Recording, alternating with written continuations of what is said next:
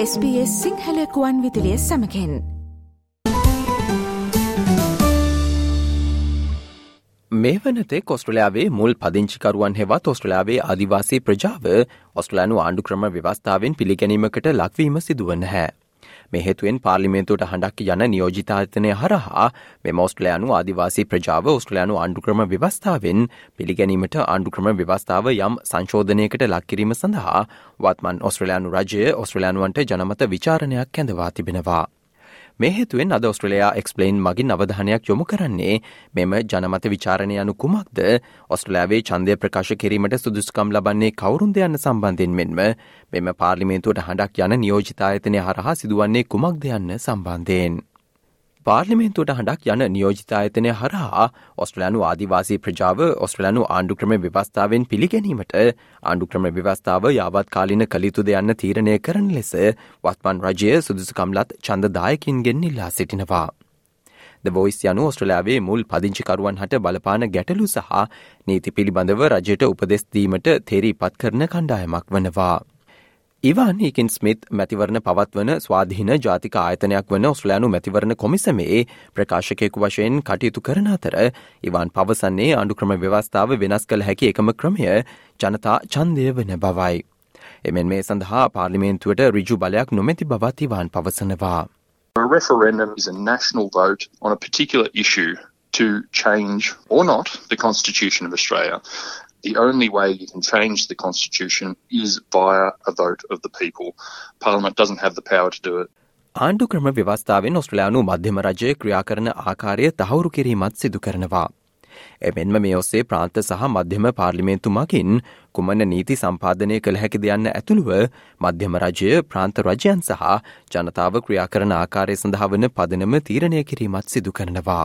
එළඹෙන මෙම ජනමත විචාරණයේදී ඇබර්ජිනල් සහ ටොර සමුද්‍ර සඳි දූපත් වාසින්ට ඔස්ට්‍රලාවේ හඬක් පිහිටුවීමෙන් ඔස්ට්‍රලාවේ පළමු ජාතින් පිළිගැනීමට විවස්ථාව වෙනස් කිරීමට වන යෝජිත වෙනස් කිරීම සඳහා ය සේවත් එකඟ දෙයන්න හෝ නොහෙවත් එකඟ නොවන්නේ දෙයන්න ලෙස පිළිතුරු ලබාදීමට ජනතාවට සිදුවනවා. ඉවන් පවසන්නේ ජනමත විචාරණයක් සාර්ථකවීමට නම් දවිත්ත බහුතරයක් එයට සහය ලබාදියයුතු බවයි. එමෙන් ඔස්ට්‍රලයානු ප්‍රාන්තවලින් අවම වශයෙන් හතරක්වත් මේ සඳහා ඡන්දය ප්‍රකාශ කළ යුතු බවත් ඉවන් සඳහන් කරනවා. For a referendum to pass, it has to achieve a majority of yes votes nationally and a majority of yes votes in a majority of states. So at least four out of the six Australian states have to vote yes. The ACT and the NT still vote like every other Australian citizen. They're marking a yes or a no on their ballot paper.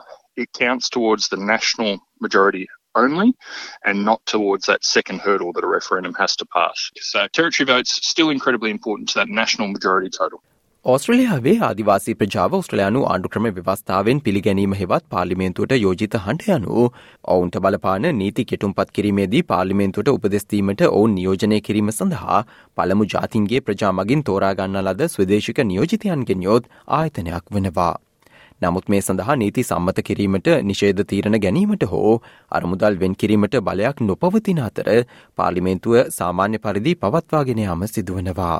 Cobble cobble කාන්තාවක් වන මහාචාරය මේගන් Davis යනිවසිට of නිවසත්වල්සි ව්‍යවස්ථාපිත නීතිපිටේ සභහපතිනය වන අතර ඇය පාර්ලිමේන්තුවට හඬක් යන නියෝජිතායතනය පිහිටවීම සඳහා යෝජනා කළ විශේෂඥ මණ්ඩලේ සාමාජිකාවක වනවා.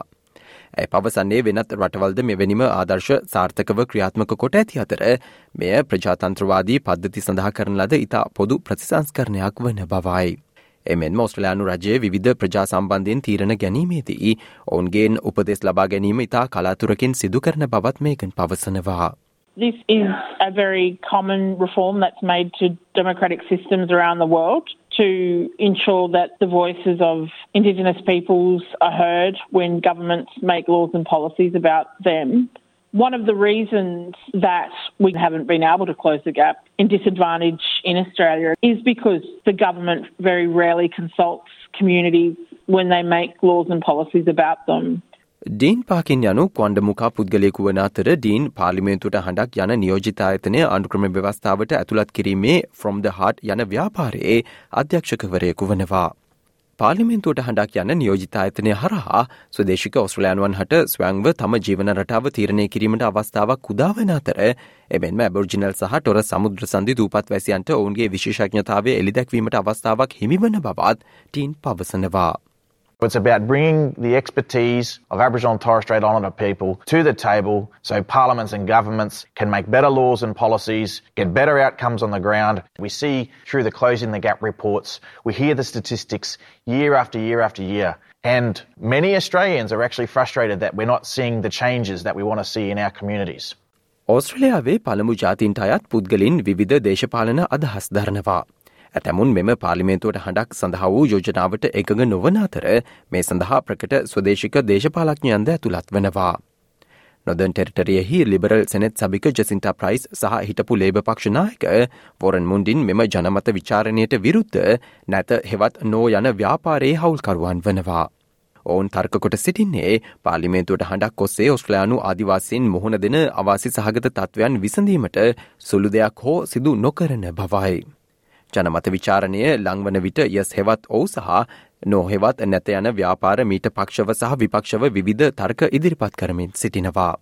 ප්‍රකාශක ඉවන් පවසන්නේ ඒC මගින් මේ වන විට මිලියන දහහතකට වඩා වැඩි ලියාපදිංචි ඔස්ට්‍රලයානු චන්දදායකින් දැනුවත් කිරීම සඳහා තොරතුරු ව්‍යාපාරයක් සංවර්ධනය කරමින් සිටින බවයි. එමෙන්ම ජනමත විචාරණ දිනේදී රටපුරා චන්ද මධ්‍යස්ථාන දහස් ගණනක් පැවැත්වීමට සැලසුම් කොට ඇති අතර කෙසේ නමුත් පුද්ගලින්ට නියමිත දිනට පෙර චන්දය ප්‍රකාශ කිරීමේ හැකියාව පවතින බවත් ඉවන් පවසනවා. We'll have thousands of polling places available across the country on referendum day. Uh, there'll also be early voting centres available in the weeks leading up to it as well. So if you can't make it on the day, turn up in person to an early voting centre. We'll be facilitating overseas voting, the remote mobile polling. There'll be postal voting available as well for telephone voting for people who are blind. ඓතිහාසිකමය වශයෙන් ආණ්ඩුක්‍රම ව්‍යවස්ථාව සංශෝධනය කිරීමට ඔස්ට්‍රලයානුවන්ට ඒත්තු ගැන්වීම පහසු කරුණක් නොවන අතර එක් දහස් නවසේ එක වසරේ පැවති සම්මලනයේ සිට මේ දක්වා විධ වෙනස්කම් කිරීම සඳහා වූ යෝජනා හතලිස් හතරෙන් අටක් පමණක් සාර්ථක වී තිබෙනවා. එක් දහස් නවසේ හැට හත වසරේදී ඔස්ට්‍රලයානු ඉතිහාසේ ආදිවාසී ගැටලු සම්බන්ධයෙන් අවසන්වරට ජනමත විචාරණයක් පවත්වා තිබෙනවා. එහි සාර්ථකත්වය මත මුල් ඔස්ට්‍රලයානු පදිංචිකරුවන් පොදුරාජ්‍ය මණ්ඩලිය නීති යටතේ ඔස්ට්‍රලයානුවන් ලෙස පිළිගැනීම සහ සංගණනයේදී ගණන් ගැනීම ආරම්භ වී තිබෙනවා. ඉදිරි ජනමත විචාරණයේදී චන්ද ප්‍රකාශ කරන්නේ කෙසේ දෙයන්න සම්බන්ධයෙන් ඔබට චන්දපත්‍රිකාවේ යස් හෝ නෝ වශයෙන් ඉංග්‍රීසි භාෂාවෙන් ලිවීමට සිදුවනවා. ඔස්ට්‍රලයානු මැතිවරණ කොමිසමේ නියෝජිතයකු වන පැට් කැලනන් කියා සිටින්නේ මේ සම්බන්ධයෙන් චන්දදායකින්ට ප්‍රවේශ විය හැකි විවිධ සම්පත් පවතින බවයි. එමෙන්ම පැත් පවසන්නේ ඔස්ට්‍රලයන් ඉලෙක්ටෝරල් කමිෂන් හෙවත් ඔස්ට්‍රලයානු මැතිවරණ කොමිසමේ වෙබ් අඩවියෙන් සහ දුරකතන ඇමතුම් පරිවර්තක සේවා හරහාත් මෙ සම්බන්ධයෙන් සේවා ලබාගත හැකි බවයි. That we're going to have resources translated into over 30 culturally and linguistically diverse languages, and they're going to be available on our website um, and available in, in phone call interpreter services as well. ඔබ ඔස්ට්‍රලයාාවේ මැතිවරණ සඳහා චන්දය ලබාදීමට ලියාපතිංචි විය ඇත්නම් ඔබ මෙම ජනමත විචාරණයට චන්දයදීමට සුදුසුකම් ලබනවා. මේ ඔසේ ලියාපදිංචි වූ පුරවැසියන් සඳහා ජනමත විචාරණයේදී චන්දය ප්‍රකාශ කිරීම අනිවාර්ය වන අතර මේ සඳහා ඔබ ඔස්ට්‍රලයානු පුරවැසියෙකු විය යුතු වනවා. කෙසේ නමුත් පැට් කියා සිටින්නේ ඔබේ ලියාපදිංචිය aec.gov.au මගින් පරීක්ෂා කළ හැකි අතර එඔස්සේ ඔබගේ සියලුම චන්ද ලියාපදිංචිවීමේ විස්තර යාවත්කාලීන බවට සහතික කර ගැනීම සිදු කළ හැකි බවයි. So you just have to be an Australian citizen. But we would encourage people that if you've moved or if you're not sure if your enrolment is up to date, you can check your enrolment at aec.gov.au and you can just check there to make sure that all your enrolment details are up to date. ඕස්ට්‍රලයානු මැතිවරණ කොමිසවේ ඉවාන් පෙන්වා දෙන්නේ මේ සම්බන්ධයෙන් වැඩිදුර තොරතුරු අධ්‍යනය කිරීමෙන් අනතුරුව ජනමත විචාරණයට සම්බන්ධවීම වැදගත්වන බවයි. Really think about the topic. That's what differs for a referendum. You're not thinking about candidates who you might want to elect. You're thinking about the issue. So carefully do your research. Think about whether you want to vote yes or no, uh, and make sure you come to the ballot box informed. එමෙන් මොස්ට්‍රලයානු මැතිවරණ කොමිසමේ පැත් කියා සිටින්නේ ඔබ කුමන ආකාරයකට චන්දය ප්‍රකාශ කළත් ඔබේ අදහස් දැක්වීම ඉතා වැදගත් වන පවයි. පුද්ගලින් මේ සඳහා චන්දය ලබා දෙන ආකාරය වැදගත් නොවන අතර චන්දය ප්‍රකාශ කිරීම අත්‍යවශ්‍ය වන බවත් පැත් කියා සිටිනවා. It's really important to have your say, whichever way you vote.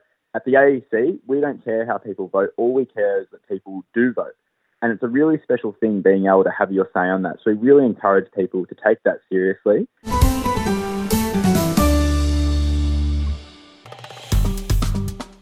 ලයි කරන්න ෂයා කරන්න අදහස් ප්‍රකාශ කරන්න SBS සිංහල ෆස්බුක් පිටුව ෆලෝ කරන්න.